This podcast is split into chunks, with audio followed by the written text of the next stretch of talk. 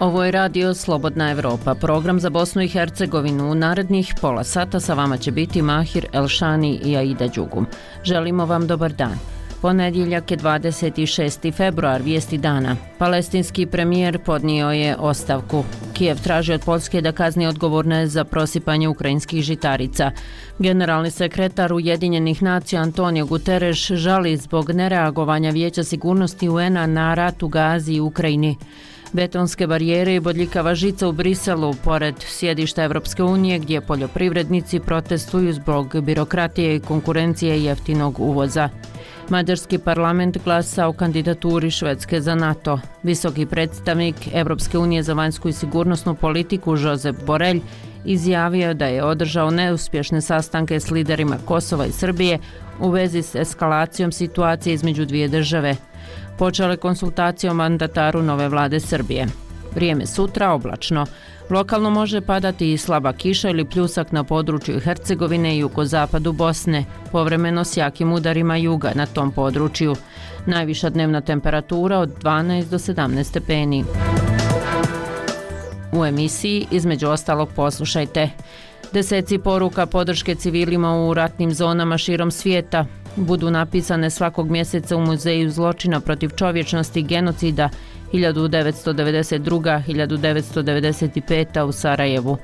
Belma Zulić, kustosica muzeja zaista puno sličnosti sa onim što se danas dešava, dešava u svijetu, od etničkog čišćenja, kršenja ljudskih prava, e, borbe e, za život gdje imamo dakle, nehumane uslove u kojima ljudi i borave bez hrane, bez vode, bez struje, bez krova nad glavom. Poljoprivrednici u Unskosanskom kantonu pokazali su veliko zanimanje za program sufinansiranja zapošljavanja u oblasti poljoprivrede. Mirze Culjić bavi se stočarstvom i o tome kaže. Dobro je došlo dobio sam one tri godine doprinos uplaćivan. I jednostavno je bilo dobro, bio opet se prijavio. Ostanite sa nama. Radio Slobodna Evropa, program za Bosnu i Hercegovinu. Ministar prometa i komunikacija Bosne i Hercegovine Edin Forto i generalni direktor BHRT-a Belmin Karamehmedović potpisali su u Sarajevu sporazum kojim će se prema ranijoj odluci Vijeća ministara Bosne i Hercegovine BHRT-u doznačiti 4 miliona konvertibilnih maraka. Ministar je rekao kako je nužno da se uredi prikupljanje i raspodjela RTV takse unutar Federacije BiH. Javni servis i održiv javni servis je preduslov za ulazak u Evropsku uniju. Ovim nećemo naravno imati održiv javni servis, ali ovo je podrška koja je potrebna BHRT-u. Potrebno je da se dese još dvije stvari kako bi imali održiv javni servis. Potrebno je da se čim prije uredi prikupljanje i raspodjela pretplate unutar Federacije Bosne i Hercegovine, a naravno uređenje cijelog održivog javnog servisa će biti kada budemo imali zakon koji svi i žele i svi se slažu s njim i budu ga sprovodili na način kako je to napisano. U ovom trenutku RTRS je izašao iz sistema javne pretplate i narušio je sistem koji je funkcionisao do 2017. godine.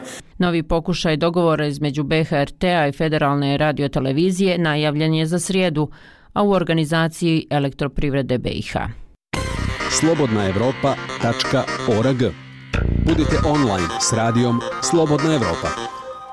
Palestinski premijer Mohamed Štaje izjavio je da podnosi ostavku kako bi omogućio formiranje širokog konsenzusa među palestincima o političkim aranžmanima poslije rata u pojasu Gaze. Glavni tajnik Ujedinjenih naroda Antonio Guterres izrazio je žaljenje zbog toga što Vijeće sigurnosti UN-a nije uspjelo adekvatno odgovoriti na sukob Izraela i Hamasa, rekavši da su ti sukobi možda fatalno potkopali autoritet tog tijela.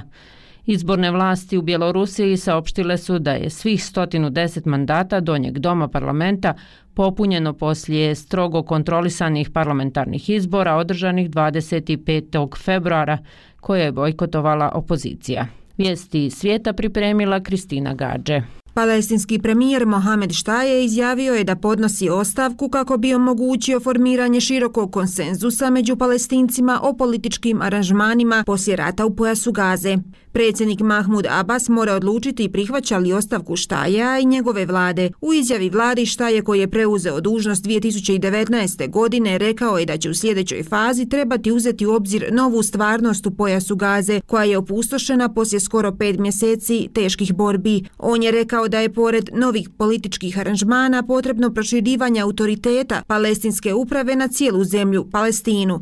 Palestinska uprava formirana prije 30 godina u skladu s privremenim mirovnim sporazumom iz Osla ima ograničenu vlast na dijelovima okupirane zapadne obale, ali je izgubila vlast u Gazi poslije borbe s Hamasom 2007. godine.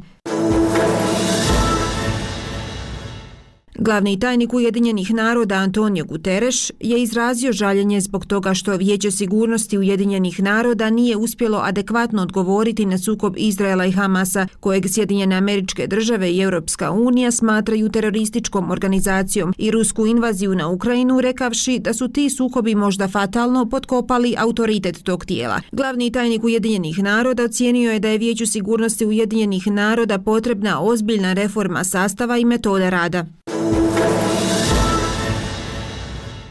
Izborne vlasti u Bjelorusiji priopćile su da je svih 110 mandata donjeg doma parlamenta popunjeno poslije strogo kontroliranih parlamentarnih izbora održanih 25. veljače koje je bojkotirala opozicija, prenosi bjeloruski servis Radija Slobodna Evropa. State Department je glasanje ocijenio da su izbori održani u klimi straha. Centralna izborna komisija priopćila je da je izlaznost bila skoro 74%, dok izvještaj govore o zastrašivanju ljudi da izađu na biračka mjesta protiv svoje volje. Očekuje se da će izbori učvrstiti poziciju autoritarnog lidera zemlje Aleksandra Lukašenka, koji je na vlasti od 1994. godine. Pod njegovom vladavinom Bjelorusija je postajala sve represivnija država koje su neke zapadne diplomate opisivale kao posljednju diktaturu Europe. Samo četiri stranke koje sve podržavaju Lukašenkovu politiku službeno su registrirane za izbore. Belarus komunistička partija, liberalno-demokratska partija i partija rada i pravde. Registracija za izbore izbore onemogućena je za desetak stranaka prošle godine.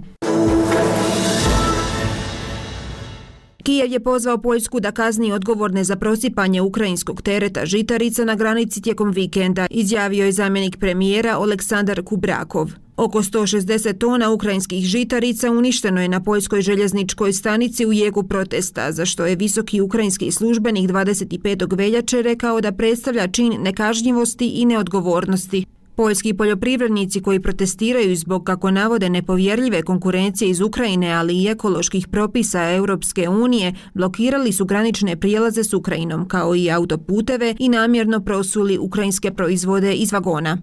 Za Radio Slobodna Evropa, Kristina Gađe. Nakon smrti Alekseja Navalnog, supruga zatvorenog ruskog opozicionara Vladimira Karamurze, Evgenija poručuje da strahuje za njegov život. Dio njenog intervjua za Current Time, projekat Radija Slobodna Evropa i Glasa Amerike na ruskom jeziku, prenosi Sonja Gočanin. Osuđen na 25 godina zatvora zbog politički motivisanih optužbi, a sada u samici. Tako Evgenija Karamurza opisuje zatvorski život svog supruga, opozicijonog političara Vladimira Karamurze naходится тоже в той же самой одиночке, с той же... On je u samici sa zidnim sklopivim krevetićem i stolicom. U takvim su uslovima i ostali politički zatvorenici koji i iza rešetaka odbijaju da ćute i nastavljaju da uveravaju ljude oko sebe gde god bili. Pытаться убеждать людей вокруг, где бы они ни находились. Evgenija Karamurza ističe i da njen muž zna za smrt opozicijonog lidera Aleksija Navalnog. Володя в бешенстве. I... Vladimir je besan. Vrlo dobro razumem njegov osjećaj i ja sam besna. Nije prvi put da nam režim uzme vrhunskog političara, briljantnih liderskih sposobnosti, čoveka koji je znao uveriti ljude i objasniti stvari koje mnogi ne razumeju. Объяснять to što daleko ni всем понятно. Ona tvrdi da su ruske vlasti već dva puta pokušale da ubiju njenog supruga. У меня с Владимиром всегда страшно. Uvek se bojim za Vladimira. Preživeo je dva pokušaja trovanja, a oba puta lekari su mu davali 5% šanse da preživi. Videla sam ga u komi modrih stopala. Izgledao je poput hobotnice, jer su mu iz tela virile cevi. Imao je višestruko otkazivanje organa. S tim strahom živim svaki dan. Sada je u rukama ljudi koji su ga dva puta pokušali ubiti. Naravno da se bojim za njegov život. Естественно, я всегда боюсь за его жизнь.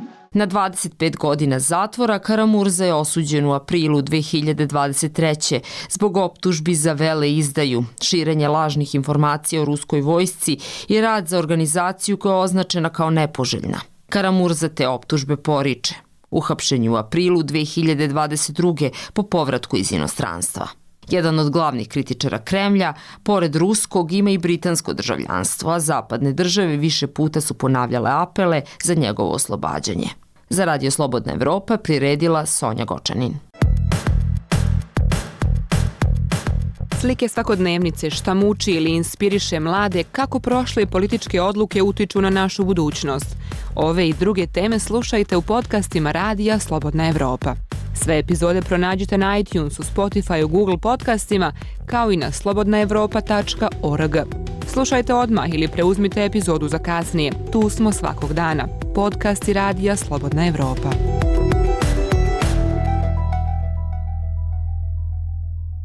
Deseci poruka podrške civilima u ratnim zonama širom svijeta budu napisane svakog dana u Muzeju zločina protiv čovječnosti genocida 1992. 1995. u Sarajevu. Posljednjih mjeseci dominiraju poruke palestincima. Ovaj muzej je jedna od najposjećenijih turističkih destinacija u glavnom gradu BiH. Stalnu postavku muzeja čine video snimci, dokumenti, fotografije i lični predmeti koji su muzeju donirali članovi porodice ubijenih i preživjeli žrtava rata – tema Šejla Ibrahimović. Molitve, želje i poruke podrške palestinskim civilima ispisuju svakodnevno turisti iz cijelog svijeta u Muzeju zločina protiv čovječnosti i genocida. Među njima je i Andreja iz Zagreba, koja je sa porodicom u posjeti Sarajevu. Kaže da joj fotografije i snimci iz pojasa Gaze, koje svakodnevno obilaze svijet, vraćaju sjećanja na ratu u Bosni i Hercegovini. Doživjeli smo one sve strahote, ali definitivno znamo šta je Sarajevo prošlo sve i eto, ušli smo, dva dana smo ovdje, e, dojam Sarajeva je divan, ali treba se vratiti u ona sjećanja koja su jako tužna i bolna nema razloga da patimo više, a radimo sebi još uvijek zlo. Turista Liam je u Sarajevo došao iz Australije. Kaže da mu je teško shvatiti da svijet nije izvukao pouku iz historije. Ja dolazim iz zemlje gdje se ovakvi ratovi ne dešavaju. Naravno, imali smo i mi svojih komplikacija u historiji, ali ne mogu lično zamisliti da iko želi nešto ovako da se desi. Ja dolazim sa mjesta gdje su svi dobrodošli, tako da je za mene nemoguće da shvatim. Tokom četiri mjeseca u pojasu Gaze ubijeno je više djece, novinara i medicinara nego i u jednom ratu, pokazuju podaci Ujedinjenih nacija. Muzej je otvoren 2016. godine s nadom da će biti opomena i pouka za buduće generacije, kaže Belma Zulić, kustosica muzeja. Zaista puno sličnosti s onim što se danas dešava u svijetu, od etničkog čišćenja, kršenja ljudskih prava, e, borbe e, za život gdje imamo dakle, nehumane uslove u kojima ljudi i borave bez hrane, bez vode, bez struje, bez krova nad glavom, gdje se u suštini sistematski ne samo uništava jedan narod, već i kulturno-istorijsko nasljeđe, gradovi, sve ono što u suštini čini jednu kulturu, naciju i državu. Više od 10.000 eksponata čuva sjećanje na zločine u Bosni i Hercegovini 90. godina. Građani i danas doniraju muzeju lične predmete i uspomene na svoje najmilije ubijene u ratu. Ova kulturna ustanova je jedna od najposjećenijih destinacija u Sarajevu prema globalnoj turističkoj platformi TripAdvisor. Za Radio Slobodna Evropa iz Sarajeva, Šejla Ibrahimović. Zanima vas što se dešava u regiji? Radio, TV, video. Sve možete naći na slobodnaevropa.org. Turbulentan vikend za vladajući pokret Evropa sad, kada je došlo do razlaza u partijskom vrhu. Predsjednik Crne Gore Jakov Milatović dao je ostavku na sve funkcije u partiji, a predsjedništvo pokreta isključilo iz stranke Andreja Milovića, aktuelnog ministra pravde. Nijedna od ovih odluka nije detaljno obrazložena. Milatović je saopštio da je izlazi iz stranke nezadovoljan načinom rada i vrijednostima pokreta Evropa Sad. Istovremeno predsjedništvo stranke nije obrazložilo razloge isključivanja Andreja Milovića iz pokreta. O tome kako će ovaj razlaz uticati na državnu politiku, vanjsko-političke prioritete, odnose u državnom vrhu, rekonstrukciju vlade i da li su mogući novi izbori za program Radija Slobodna Evropa govori direktorica Centra za građansko obrazovanje Daliborka Uljarević. U razgovoru sa Srđanom Jankovićem, Uljarević najprije odgovara na pitanje da li je moguće da za Milatovićem iz pokreta Evropa sad pođe i jedan broj poslanika te stranke. Pokret Evropa sad počinje vidljivije plaćati svoju sobstvenu ideološku i programsku heterogenost, ali i nedostatak političkog iskustva, rekla bi, ključnih ljudi i u nekim slučajima i bazičnih principa partijskog rukovodđenja. Ta partija se suštinski nikada nije konsolidovala pa i onda ovakve kadrovske promjene, bilo da se radi o stavkama ili smjenama, dolaze kao svojevrsni zemljotres koji će ostaviti ozbiljne posljedice. Uz Milatovića su se i ranije svrstale poslanice Pejović i Činčur, koje su umeđu vremenu isključene iz PES-a, a vjerujem da će se njemu prikloniti još jedan broj poslanika PES-a. Niko za sada ne može sa sigurnošću potvrditi koliko je poslanika uz Spajića, koliko uz Milatovića, jer metaforički rečeno imamo još to podrktavanje tla i tek treba da se slegnu stvari. Ali poslanički klub PES-a zacijelo ide ka gubitku dominacije u Skupštini u brojčanom smislu koji sada ima taj klub. Kako će događaj u pokretu Evropa sad uticati na spoljno-političke prioritete Crne Gore? E, hoće li to otvoriti prostor proruskim i desno orijentisanim strankama? Mislim da se Spajić ni do sada nije snašao u političkim igrama mnogo iskustveni proruski i desno orijentisanih stranaka, što smo vidjeli kroz koalicijani sporazum, ali sve ono što su bili dalji procesi pokušaju uspostavljanja kontrolovih aktera nad različitim sektorima ili uh, onim što su njihova bila pitanja interesa interesa.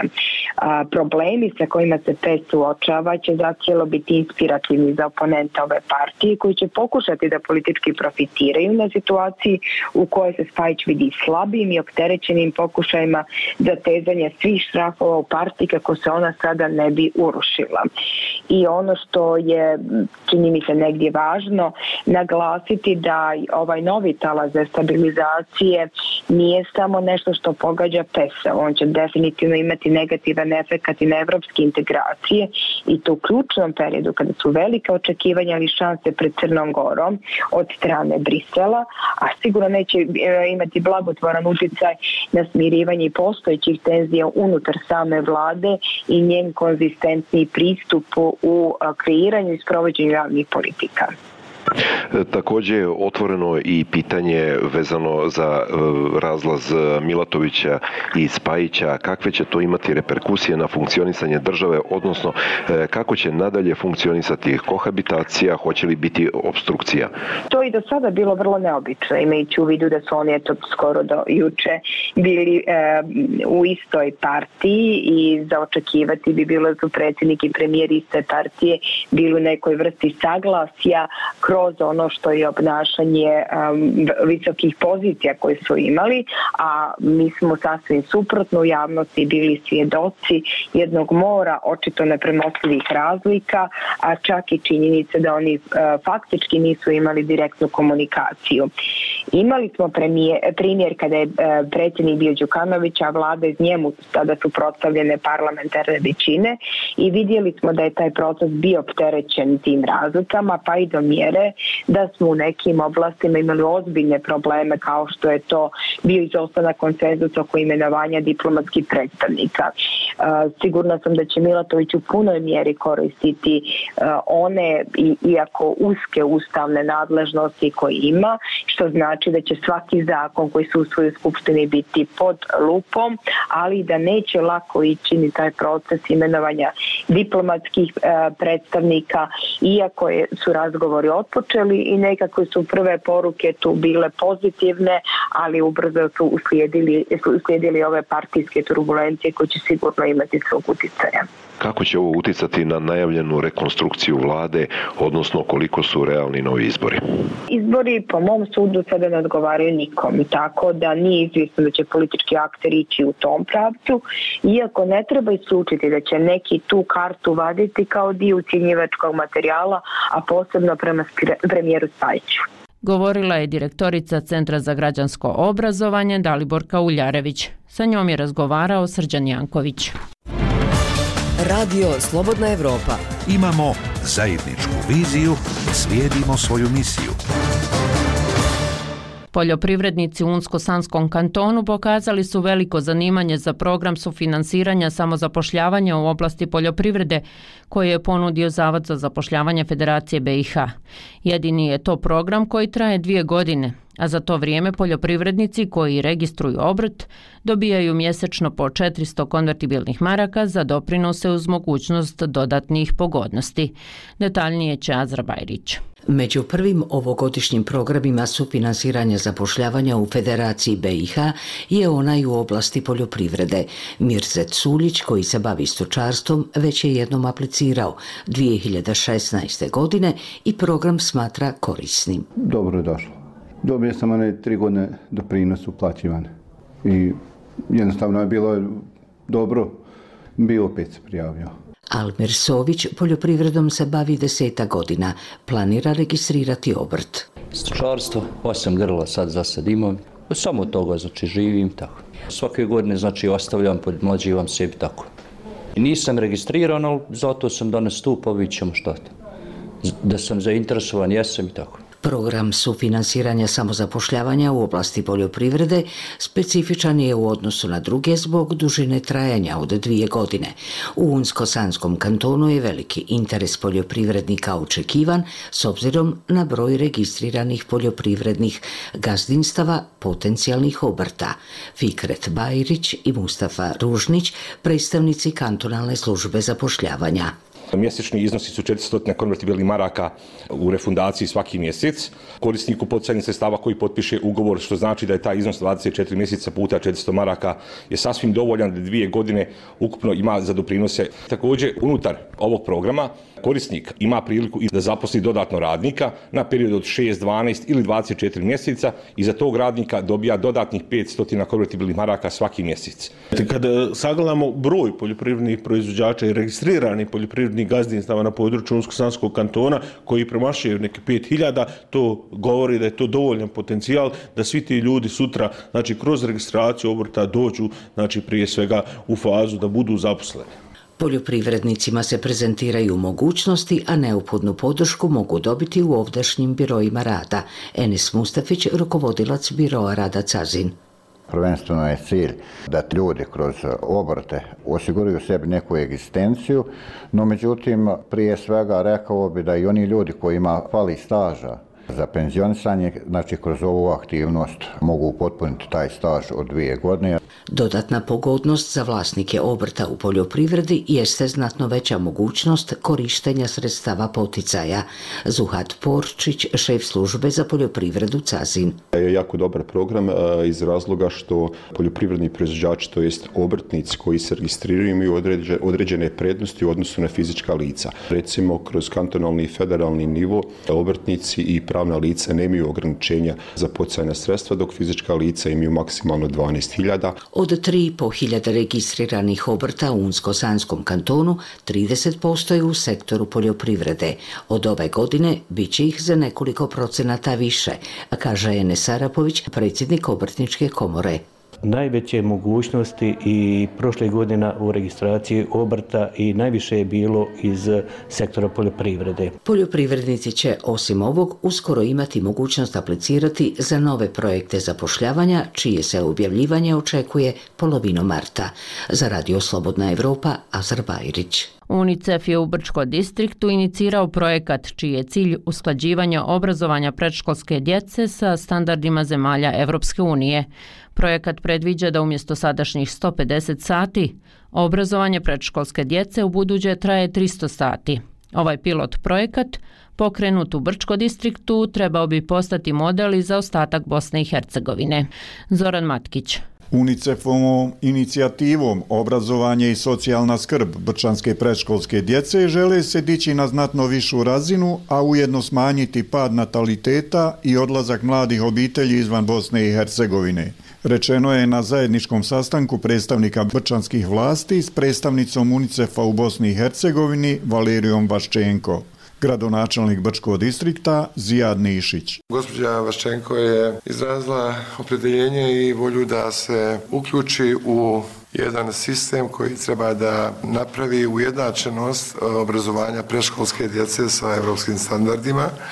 Došli smo do zaključka da 150 sati u preškolskom obrazovanju je nedostatno da se djeca mogu inkludirati u školski sistem, tako da je standard 300 sati i mi ćemo nastojati da tu normu ispunimo. Brčanski gradonačelnik Zijad Nišić naglašava da UNICEF nastoji da Brčko bude mjesto ili fokus ili pilot projekat koji će imati ovakve aktivnosti i nadamo se da će se brzo pojaviti u našem gradu sa konkretnim prijedlozima koje ćemo mi nastojati da implementiramo što kroz mobilizaciju budžetskih sredstava, što kroz zakone koje treba prilagoditi evropskoj agendi. UNICEF je do sada dosta uradio, a to namjerava i u buduće činiti kada je u pitanju obrazovanje i socijalna skrb djece u Bosni i Hercegovini.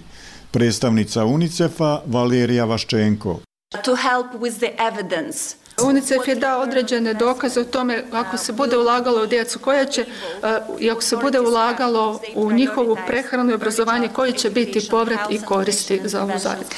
Što se tiče preškolskog obrazovanja u Brčko distriktu već je uloženo mnogo, međutim mi zagovaramo da se broj eh, sati koji djeca provedu u preškolskom poveća sa 150 na 300, što će ovoga dozvoliti mnogo bolji eh, razvoj djece i veći povrat za Brčko distriktu and get the necessary support and investments in their development. Implementacija ovog projekta iziskuje i povećan broj nastavnog osoblja te izgradnju novih dječjih vrtića na prostorima Brčkog distrikta.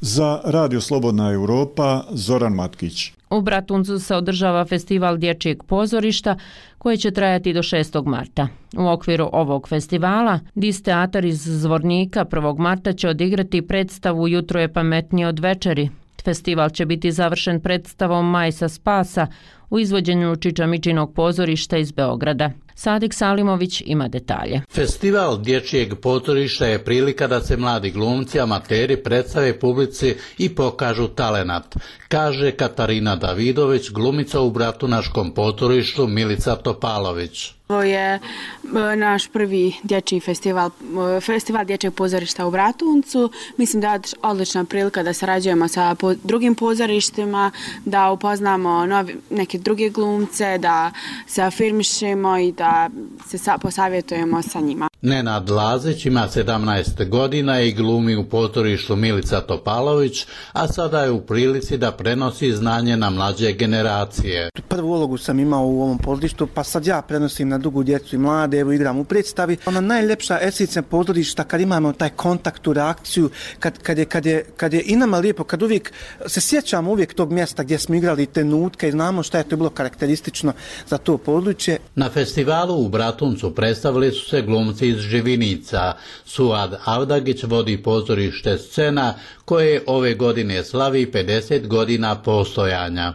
Mi u Živinicama kojim gajimo ove godine navršavam 50 godina gradskog pozorišta Živinice, od današnje naziv UG scena, kada smo osvojili ovaj, priznanje da budemo u jajcu 74. godine. Uvijek smo imali sreće da imamo svoga kućnog pisa, to je Zlatko Jugović, čiji tekstovi se igraju od Vardara do Triglava, što bi rekli dan danas. Nažalost, on je prošle godine preminuo. Napisao je i, i, i ovaj tekst, Tri mačke zakopano blago i još niz, niz tako ovaj, predstava za djecu. Radovan Petković, direktor Doma kulture Bratunac, napominje da je izuzetno značajno da je ovaj grad domaćin mladim glumcima iz nekoliko gradova. Ovo je izuzetna prilika da se naši mladi glumci i neki možda koji, koji žele da se afirmišu kroz ovo pozorište i kroz jedan ovakav festival, e, mladi ljudi da se, da se pokažu i da steknu neke neka osnovna znanja e, javnog nastupa i koja će im sigurno mnogo koristiti u budućnosti. Nadam se da će neko od naših, ovih, ovih naših glumaca